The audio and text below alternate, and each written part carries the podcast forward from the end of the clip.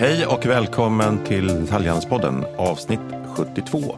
Och vi som pratar är Jonas Arnberg. och Magnus Olsson. Och idag ska vi ju prata om konsten att ha rätt sak på rätt plats i rätt tid. Det har inte varit helt lätt. Vi har kommit från eh, pandemi, eh, fraktkaos, nu går vi in i lågkonjunktur och man undrar ju hur mycket ska jag ha på hyllan? Eh, Ska jag ha något överhuvudtaget? Och tänk om jag har för mycket? Behovet av inventory planning och kunskap som Axel Bukowski, vd och grundare av Madden Analytics, sitter på är ju enorm. Så att varmt välkommen till Detaljhandelspodden, Axel Bukowski. Stort tack, jättekul att vara här.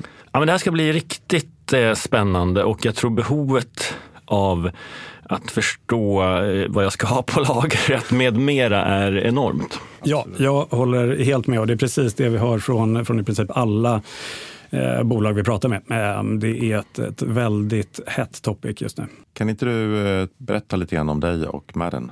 Absolut. Eh, om vi börjar med, med mig själv. Jag heter Axel Bukowski. Som sagt, jag bor i Stockholm med fru och tre små barn. Jag är entreprenör sedan tio år tillbaka ungefär, varav de tre senaste åren har jag drivit eh, Madden Analytics tillsammans med, med ett gäng superduktiga kollegor. Innan jag satte igång som entreprenör så jobbade jag en hel del med e-handel på, på olika större bolag eh, och innan dess eh, som eh, konsult. Eh, och ekonom i grunden, så jag är inte inte liksom utvecklare eller tekniker, men man tycker det är väldigt spännande med eh, e-com och eh, e-com-branschen. Och lite om, eh, om Madden Analytics. Vi, vi satte igång för tre år sedan. Vi kommer alla, alla i teamet kommer från liksom, consumer goods-branschen på, på olika sätt, har jobbat på olika, olika bolag och, och eh, med olika funktioner.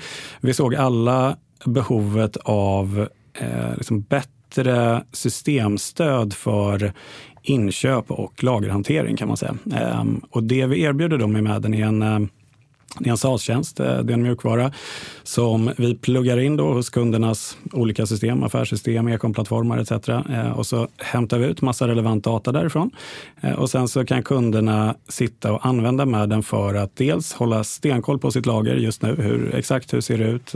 Hur presterar lagret? Vilka vilka produkter säljer bra? Vilka säljer mindre bra? Var finns det problem? Var ligger det stora värden, eventuella överlager och så vidare. Eh, men också framförallt att planera framåt. Vad tror vi om eh, eh, om, om, om försäljningen kommande 3, 6, 9, 12 månader.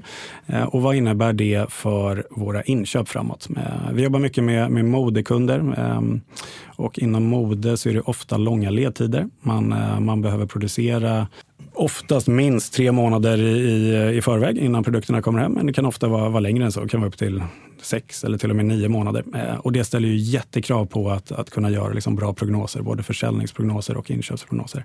Eh, och det är jättesvårt att göra om man inte har ett system. Och visst är det så många som inte har gjort det heller, för det har bara varit fest. Det har gått Ja, bra för alla. exakt. Konsumenterna har shoppat på, riskkapitalet har stoppat in pengar. Så att man har Exakt. inte plockat massa faktiskt ganska lågt fruk- hängande frukter som man kan göra nu. Verkligen. Som, så- som man kanske tvingas börja göra nu. Ja, nej, men så så är det definitivt. Det har ju varit liksom eh, happy times utan dess like under ganska många år. Eh, bolag har producerat, köpt in eh, produkter. Man, man har nästan kunnat räkna med att eh, liksom det man köper in, det, det kommer sälja slut. Eh, många har haft problem med att man inte har kunnat köpa in tillräckligt mycket. Eh, man, man köper in produkter som liksom för snabbt säljer slut så att man, man missar försäljning. Ehm, och där är vi inte riktigt längre ehm, av, av en mängd olika skäl. Pandemin till exempel. Men låt oss, låt oss gå in på det, därför att du sätter ju fingret på någonting som retail under tiden som jag har varit med i alla fall, där, där liksom inköp har varit väldigt mycket präglat av magkänsla eh, och det har varit okej att inköparna aldrig har gjort ett korrekt jobb. Man har antingen köpt för mycket eller för lite av allting. Och det har varit väldigt lite datadrivet. Det är ändå Så. trevligt att ha rea så vi, får in, så vi har liksom en anledning till jo, men det har kampanj. funnits en tydlig liksom, årscykel och, och man har varit trygg med att, ha- att ha hyfsat bra koll. Eh, också därför att konkurrensen fram till de senaste åren med e-handlare och så vidare har varit relativt låg. Eh, men och, och de senaste åren så har inköparna eh, sovit som barn. De har vaknat varje timme och gråtit eh, eftersom vi har haft fraktkaos. Kan vi inte bara spola tillbaka åren? För ni har ju tajmat er lansering och bolagsstart väldigt, väldigt bra. Ja. Kan vi inte prata om eh, liksom upptakten till fraktkaoset och vad, vad ni såg då? Yes, absolut. Vi, vi, ehm, vi startade med den 2020. Det var alltså precis när eh, pandemin satte igång. Så att vi, vi såg ju liksom behovet av den här typen av tjänst innan pandemin. Eh, eh, men pandemin har ändå till ganska stor del spelat en viss roll för hur vi liksom har, har utvecklat bolaget framåt. Jag minns att vi, Petter och jag som var de liksom allra första på plats som, som grundade bolaget, vi, vi, satt, vi satt i olika möten med varandra och även med, med lite liksom potentiella investerare och sådär och, och, och bollade det här konceptet precis dagarna där i mars 2020 när det liksom smällde till även i, i Stockholm. Och så spel, eh, liksom spolar man bandet framåt lite, pandemin satte igång. Det fick ju massvis med effekter på samhället som, som alla vet och, och kommer ihåg. Men en effekt var ju att Eh, e-handeln fick ju en jätteboom.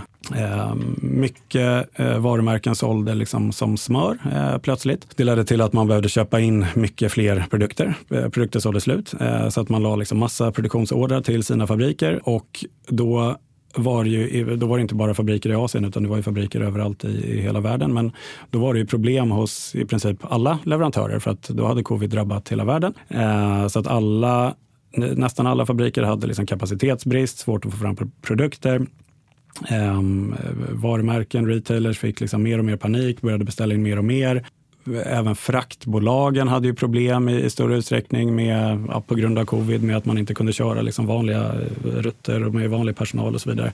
Och det här blev ju någon form av liksom perfect storm eh, där all typ av eh, frakt som gick från, från Asien och andra delar av världen till Europa eller till USA blev ju, eh, liksom slog ju i taket. Eh, det fanns inga containrar lediga, det fanns inga båtar lediga, det fanns inga tåg eller flyg lediga. Priserna sköt i höjden enormt. Det blev liksom jag vet inte hur många hundratals procent dyrare det blev att, att frakta hem saker från sina fabriker. Eh, samtidigt så fortsatte försäljningen i, i liksom hög takt. Eh, bolagen fortsatte försöka beställa produkter. Det kom såklart in en del produkter. Eh, eh och så fortsatte det att vara liksom ganska då Eh, bra tider i, ytterligare något eller ett par år. Eh, fram till dess att pandemin tog slut. Och eh, pandemin tog slut och man tänkte att ja, men nu äntligen liksom kan vi andas ut och så ska det vara normala tider igen. Och så kom då kriget i Ukraina ehm, som på nytt då till viss del skapade kaos fraktmässigt, men också i kombination då med allt som har hänt sedan dess med liksom energipriser, inflation, räntehöjningar etc.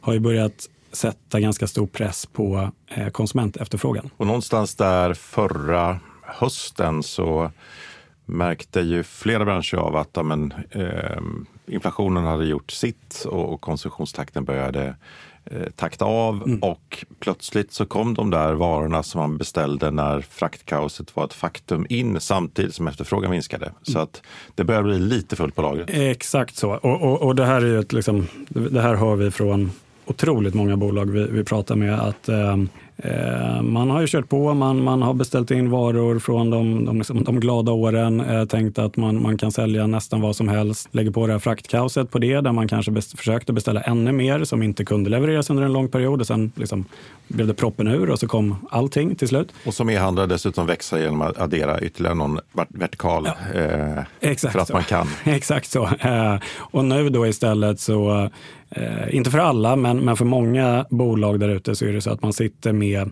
plötsligt då jättestora lager och en vikande efterfrågan. Eh, och det är ju såklart ett, ett riktigt knepigt problem. Och det kapitalmarknaden inte riktigt svarar lika snabbt på samtal. Exakt. Nej. För, för två år sedan, så, så, för många, så var det så att man kunde ringa några samtal och så hade man investerare som ville skjuta till pengar. Eh, nu, är det, eh, nu är vi ljusår därifrån skulle jag säga. Eh, det är en helt annan marknad där ute. Eh, och, och vad händer med de här överlagren? Ja, precis. Och det är ju en bra fråga och det hanteras ju på, på massvis med olika sätt såklart hos olika bolag. Eh, väldigt mycket lager ligger på hyllan vad jag vet just nu hos, hos många bolag och, och, och liksom folk. Eh... Men är det, är det för att man hoppas på bättre tider och, eh, och kunna sälja dem till ett bra pris? Eller ja, men, det måste vara några som också så här, vi vill bli av med grejerna nu och börja ja, ja, dumpa priser. Absolut. Ja, men till, till viss del så är det klart att folk är liksom avvaktande och man, ingen vet ju riktigt vad som kommer hända. Nej, men ingen har ju varit i den här situationen innan. Eh, det har varit väldigt få av e-handlarna som har jobbat i motvind. Eh, bortsett från att det är alltid tufft att starta ett bolag. Liksom. Men, men i övrigt så har det varit relativt, framförallt de senaste åren, är det relativt lätt att bli fartblind. Mm. Ja, men definitivt. Och nu plötsligt sitter man där och undrar, liksom, ja, men så länge det finns ändå pengar på banken eller åtminstone pengar för ett, ett flöde så väntar man. Jag tror fortfarande många är väldigt chockskadade. Absolut, Nej, men eh, definitivt. Jag tror många, många är liksom avvaktande och, och man vet inte riktigt vad som kommer hända och, och såklart hoppas på att, att försäljning ska ta fart. Vissa kanske har mer liksom, eh, vår sommarprodukter och det har varit en lång vinter och man, man liksom väntar och hoppas på att, att försäljningen ska ta fart nu och, och framåt här kommande perioden.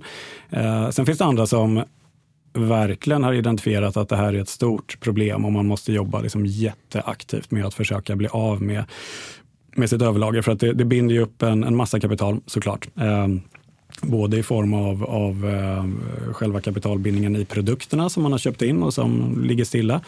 Eh, men också i, i liksom lagerkostnad. Om man har en 3PL-aktör till exempel där man förvarar sina produkter så, så kostar ju hyllplatser och, och annat. Ehm, och, ehm, och det finns ju ingen liksom, Eh, det finns ingen så här helig graal eh, kring hur man ska göra såklart och det skiljer sig mellan alla olika bolag och kategorier och branscher etc. Men, men det finns såklart ett, ett gäng olika initiativ man kan jobba med. Eh, men det måste finnas massa bolag nu som har liksom, i de goda åren breddat sortimentet. Eh, man har sålt, haft lite olika genomförsäljning. Vissa saker är ren betong nu för det finns ingen efterfrågan. Eh, det ligger en massa slattar och tar lagerplats eh, och, och eh, ja, som, som, där man inte har, över tid har råd med de här kostnaderna helt enkelt. Tror du att vi kommer att få se liksom en, en, en utförsäljning, prisdumpning eller vad, vad, hur, hur hanterar man det här? Och, och man måste samtidigt fylla på så att det rullar. Mm, exakt, ja, men precis. Man kan inte Eh, tyvärr, de flesta bolag kan ju inte heller sluta köpa in produkter för man Nej. behöver ha liksom, nyheter, man behöver ha nästkommande säsong och så vidare. Så att många har just det att man liksom, du har dels ett överlager men du måste också köpa in mer produkter eh, och, och, och, mm, då blir man såklart rädd över så här, vad, vad, ska man köpa in och kommer de produkterna sälja och så vidare. Men, men jag, just på, på tal om reor, prisdumpningar och så vidare, jag tycker man märker det som konsument eh, redan nu att eh, jag tycker var och varannan butik och kedja har olika typer av, av reor och, och kampanjer och liksom medlemserbjudanden och, och, liknande. Och jag tror att det kommer eh, fortsätta och jag tror att det kommer liksom accelerera. Jag tror att eh, många kommer tvingas att försöka sälja ut så mycket man bara kan av, av liksom gamla produkter som, eh, som annars blir liksom obsoleta och inte, inte kan användas till någonting.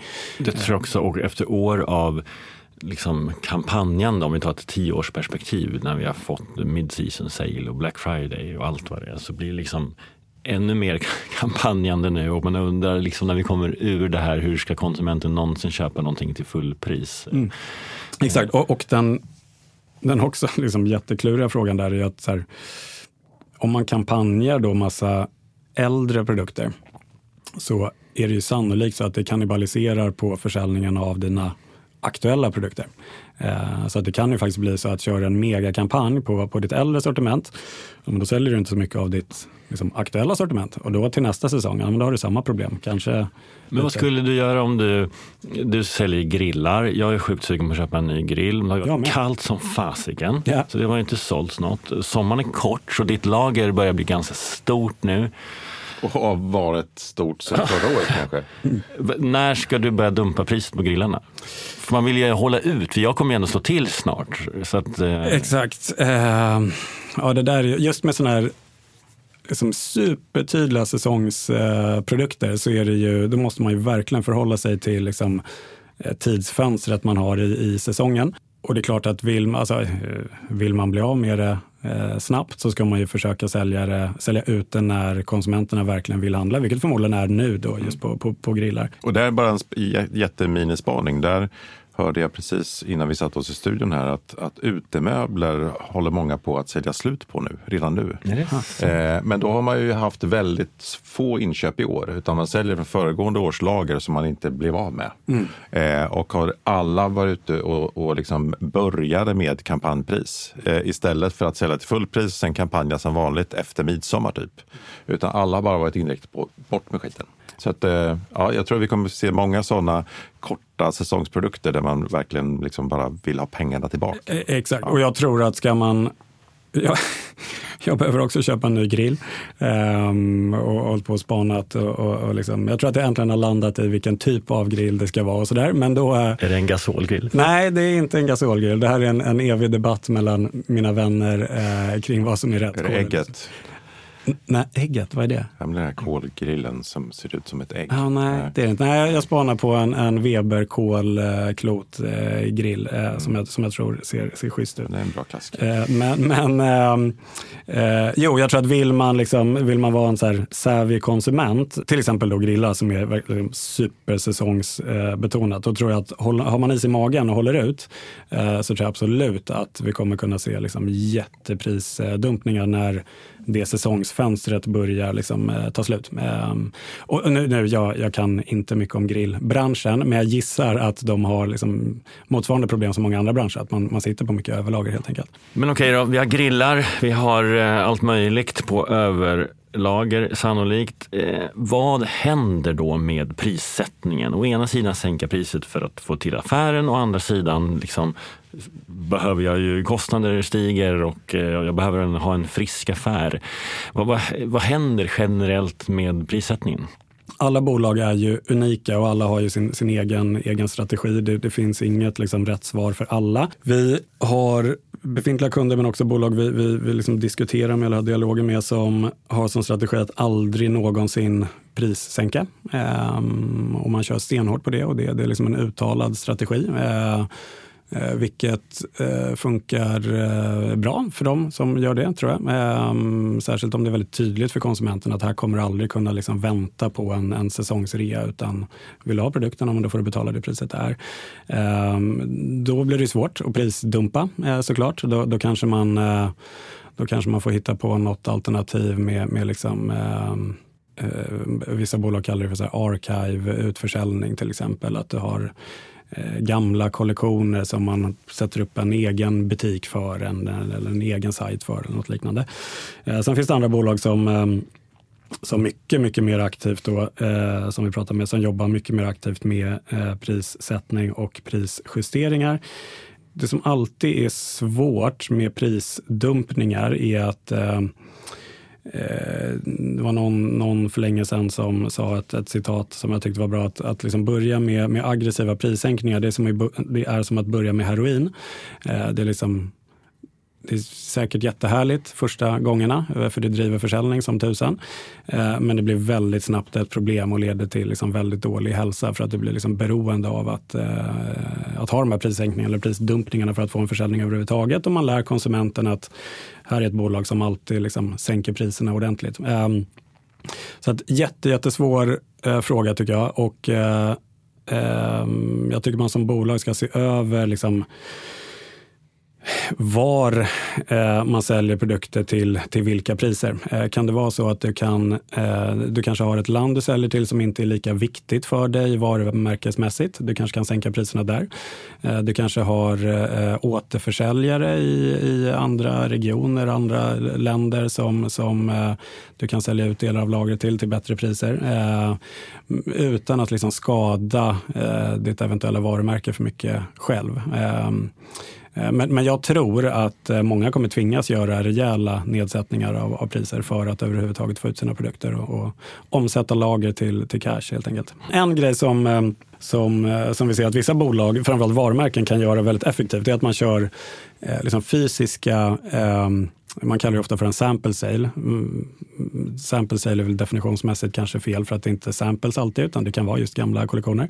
Eh, men att man kör en fysisk utförsäljning. Eh, du, vet, du hyr en lokal någonstans eh, eller kör på kontoret eller liknande och så kör du där kan man ha aggressiva liksom, prissänkningar, men det här syns inte utåt på samma sätt, för du gör det inte på sajten. Du, du liksom basunerar inte ut det på Facebook, eller Instagram eller TikTok eller liknande, utan du, du bjuder in kunder eh, till eh, din egen, ditt eget kontor eller någon hyrd eller något liknande och kör, kör liksom ordentlig utförsäljning där över en helg eller en vecka eller någonting. Och det kan ofta faktiskt ge jätteeffekt. Eh, och, och där kan man ofta då liksom bli av med, med, med mycket lager som man vill konvertera till pengar. Kan också vara ett väldigt bra sätt att träffa sina kunder om man är ett e-kombolag eh, och faktiskt liksom höra vad de tycker och tänker om produkterna. Nu är det ju så här, vi har gått igenom eh, pandemi, fraktkaos, eh, hög till lågkonjunktur. Vi har också konstaterat att det finns många lågt hängande frukter att plocka och eh, vi inbillar oss att liksom efter en sån här period så borde handeln komma ut smartare. Eh, men vad, är din take på detta? Det är det ni gör på Madden. Hur ska vi ta oss an det här läget? Jag tror att liksom det absolut första man, man måste börja med som bolag, det är att man måste se till att ha Eh, ett väldigt, väldigt bra dataunderlag på hur, hur ser det faktiskt ut. Det är inte alla som har det just för att det har varit så pass goda tider. Man, man har sålt mycket och, och liksom lagret har omsatts väldigt snabbt och, och, man har inte behövt analysera sitt lager särskilt mycket. Eh, men jag tror att är man i en situation där man har mycket på lager som inte riktigt rör på sig, då måste man börja analysera det i detalj. Vad, exakt hur ser det här faktiskt ut? Vad är det för produkter eh, vi har? Eh, hur, hur, ser det ut på liksom, kategorinivå, eh, produktnivå, ända ner på SKU-nivå? Och analysera exakt hur rör sig det här lagret? Var finns problemen? Ehm, var, var, var finns det liksom mycket värde i, i inköpskostnad eller var, eh, lagervärde?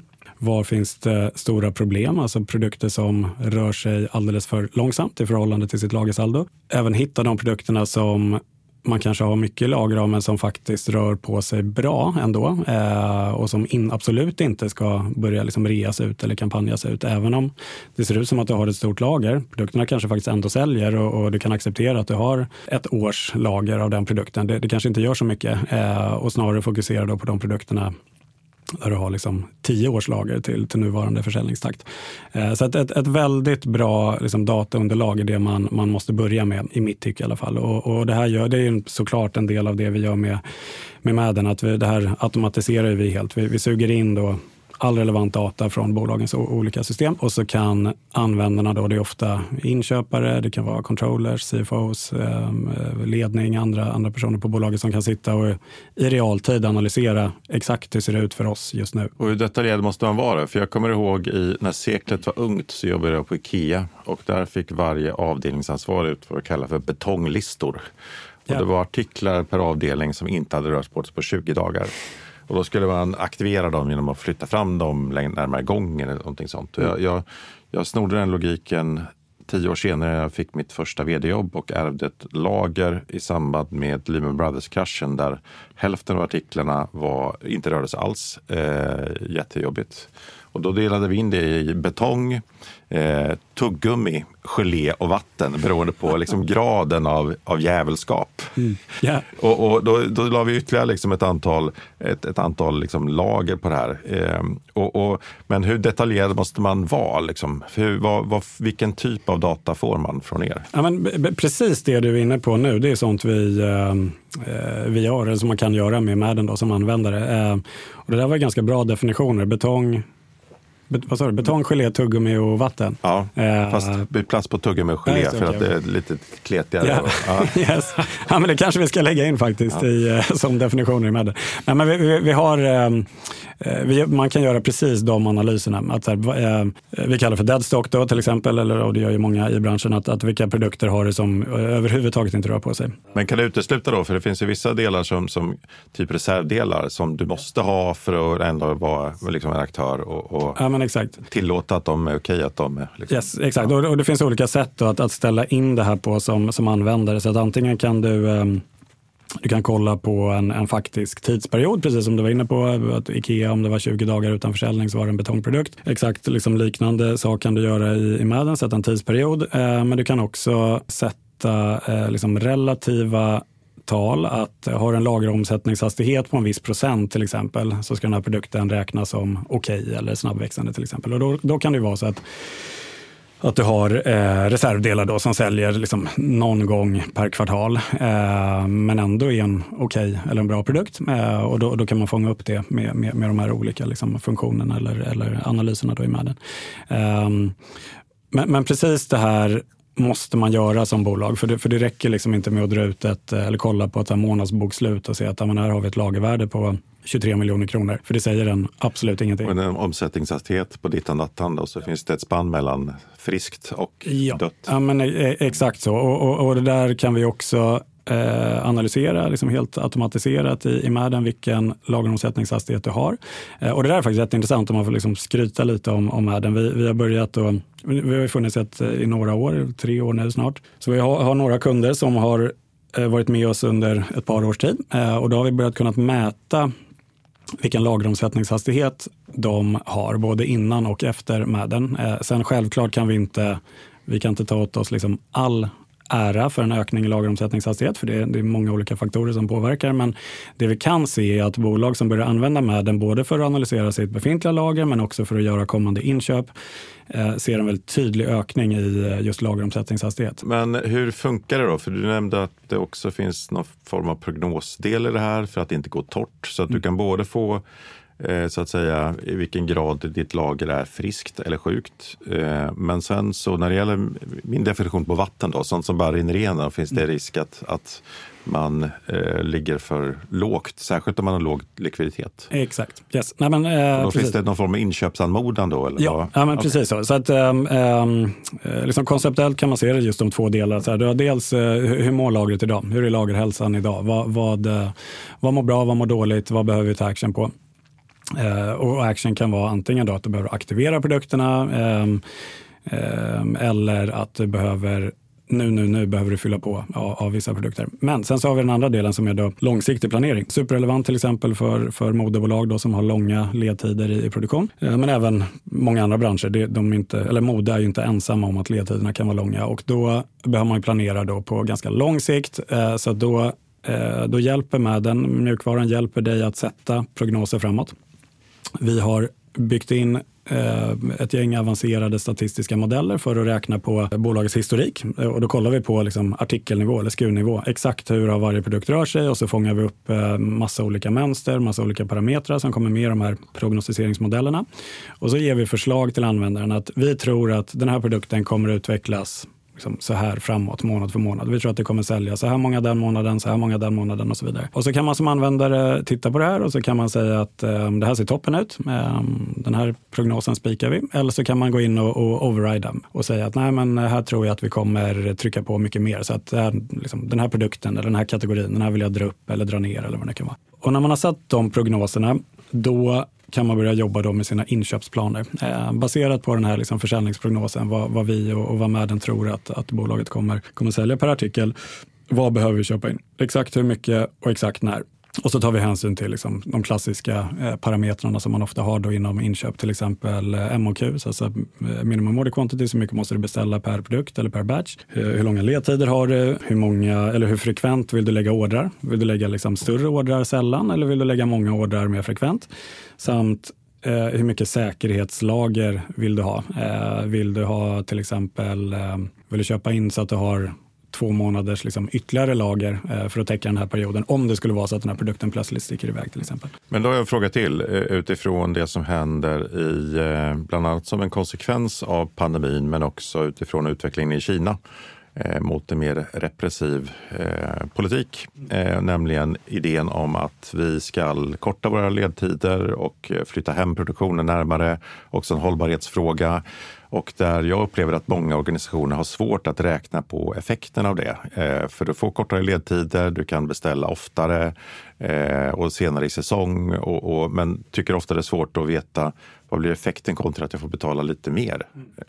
Eh, kan man använda ert verktyg för det? Det är en bra fråga. Det har vi, eh, vi gör inte den typen av analys att du kan ställa liksom två fabriker mot varandra till exempel. Med, med, däremot så kan du laborera mycket med, med eh, testa olika ledtider olika MOQs och se vad det innebär för, för dina inköpsförslag. Men det temat som du är inne på, det liksom nearshoring eller att, att liksom flytta hem produktionen närmare sig, sig själv. Det tror jag kommer vara ett jättetema kommande åren. Då fick du en liten idé till kommande Ja, men exakt, ja. verkligen.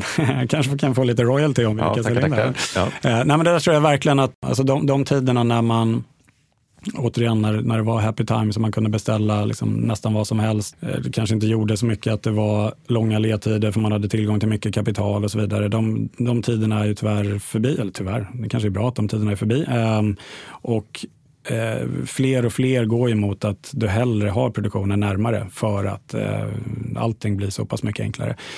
Nedsidan är såklart att det kostar lite mer, eh, men samtidigt så mm, är det så att du binder upp mycket mindre kapital, du tar mindre risk med eventuellt överlager och så vidare, så kan det ändå vara en positiv nettoeffekt för, för bolaget. Vad, vad blir effekten sen av allt detta? Blir det att man landar i en högre omsättningshastighet på lagret? Eller det, kan man liksom ha kampanj på rätt grejer, öka lönsamheten? Vad, vad, vad kommer ut? Liksom? Ja, men exakt. Det, det, um det är liksom två olika delar. Från Madden så får man ju ut massa olika actions som man kan, kan eller behöver ta. Eh, dels det här med då, hur, hur mår lagret idag och vad, liksom var behöver du agera? Men sen också då den långsiktiga planeringen. Så här, var, eh, Eh, vilka produkter behöver du köpa in och när i tiden behöver du göra det? Så skapar du upp dina inköpsordrar och, och, med vissa affärssystem kan vi även skjuta in de här inköpsordrarna rakt in i affärssystemet.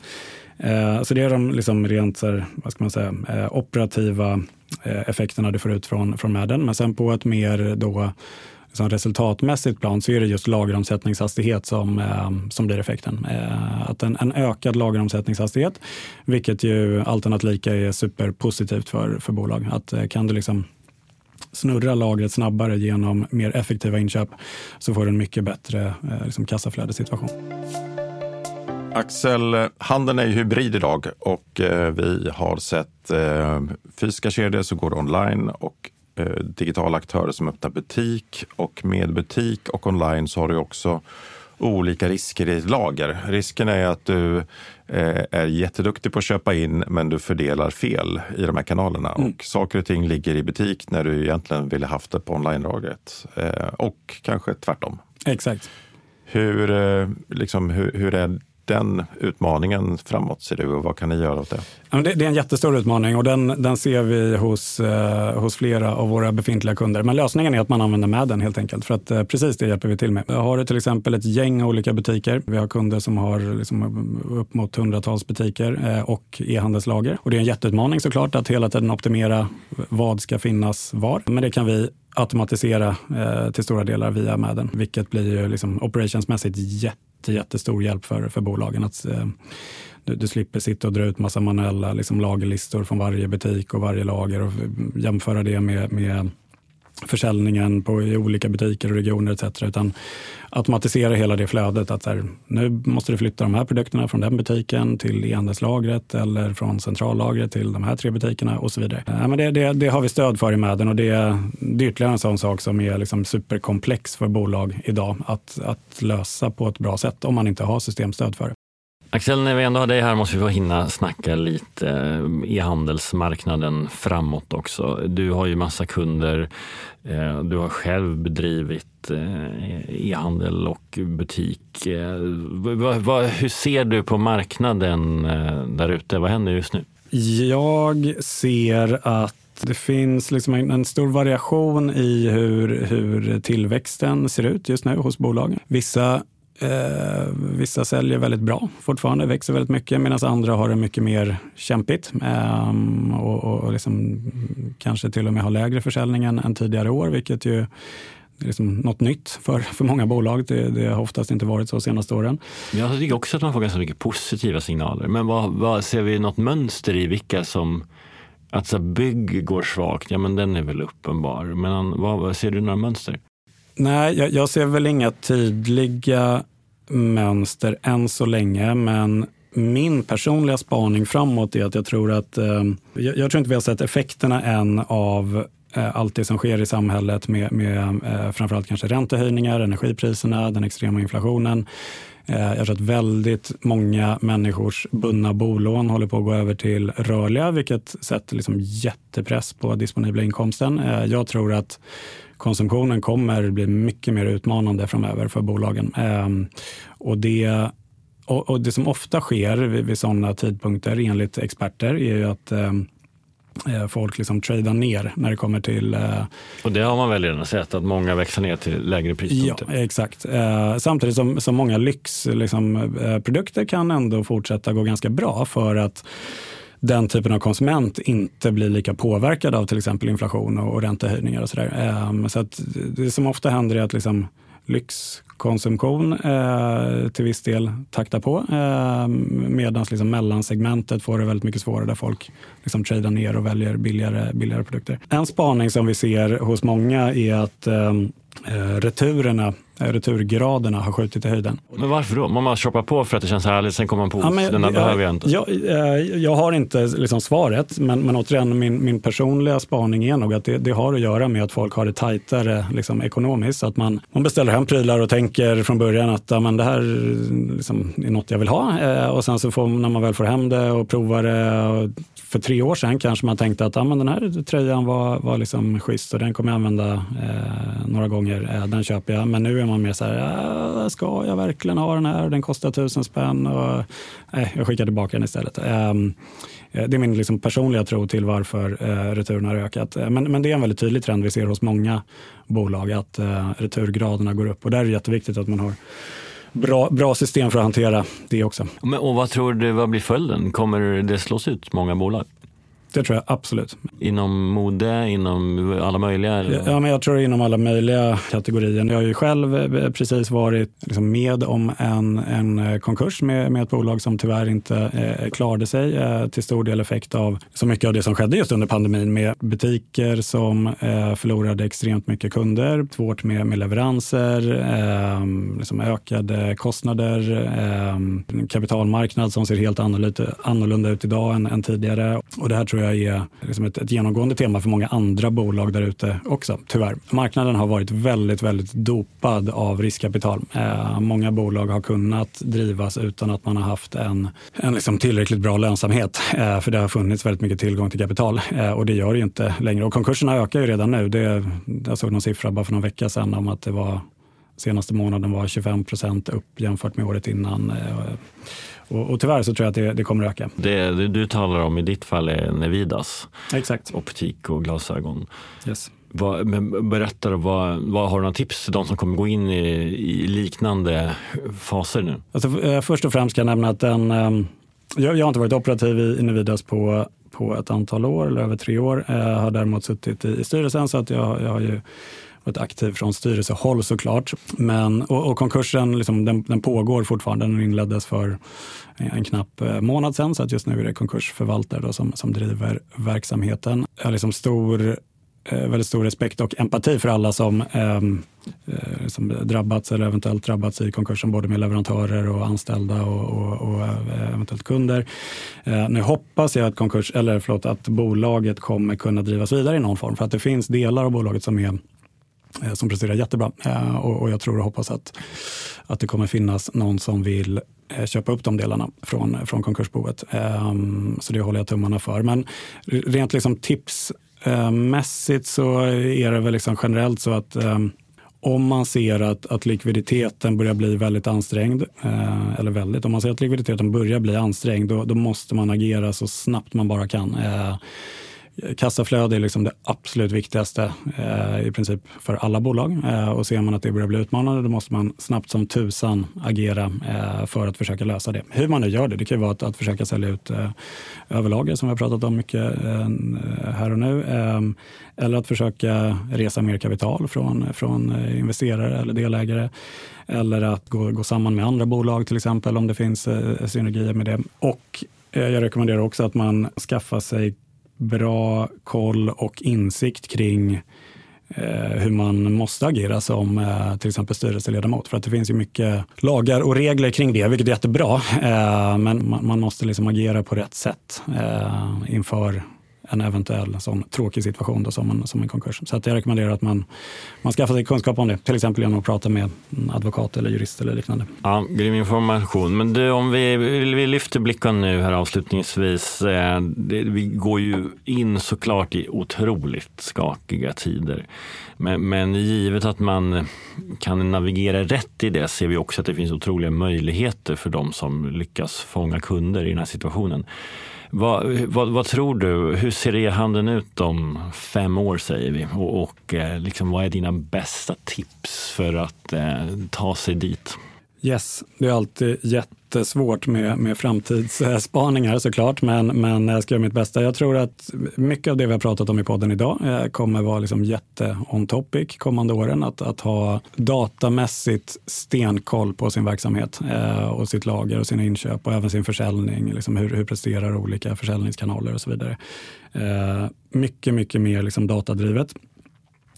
Jag tror att överproduktionen måste minska. Det är något som alla håller med om. Eh, men, men liksom den, de cyklerna, det, det är liksom produktionssättet som har funnits hos många bolag tidigare, det, det funkar inte riktigt längre. Eh, varken ekonomiskt eller för, för liksom planetens skull. Så att man måste hitta bättre sätt att eh, jobba med sina inköp och sin produktion. Och där kan till exempel, och det som vi var inne på tidigare, där med eh, liksom flytta hem produktion eller ha produktion närmare kan ju vara ett jättebra steg ditåt. Att, att försöka Eh, till exempel kunna göra mindre batcher som är mer liksom on demand istället för att man tar jättestora bets ett halvår i förväg och beställer in tiotusentals produkter som man inte vet om de kommer sälja. Jag tror att eh, liksom e-com-marknaden kommer fortsätta detta eh, liksom går mer och mer mot eh, liksom Omni-kanal. Eh, för, för kanske 10-15 år sedan, då om man startade ett varumärke, jobbade man ju nästan alltid uteslutande med wholesale. Man sålde till återförsäljare. Sen började man sälja i D2C och så blev D2C, liksom egna kanaler, blev superhett. Sen har det svängt tillbaka nu så att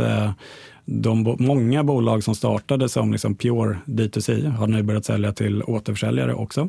Och väldigt många av de bolagen som startade som pure online har nu också börjat öppna egna butiker för att man ser att det finns ett, liksom, det finns ett varumärkesvärde i det, det kan finnas en jättebra ekonomi i det. Eh, så att liksom hela omnikanal-utvecklingen eh, tror jag kommer fortsätta eh, ordentligt. Jag tror att multibrand-butiker online kommer få det svårare och svårare om man inte är antingen jättestor och har liksom jätteskala på grund av att man är jättestor eller att man är väldigt nischad.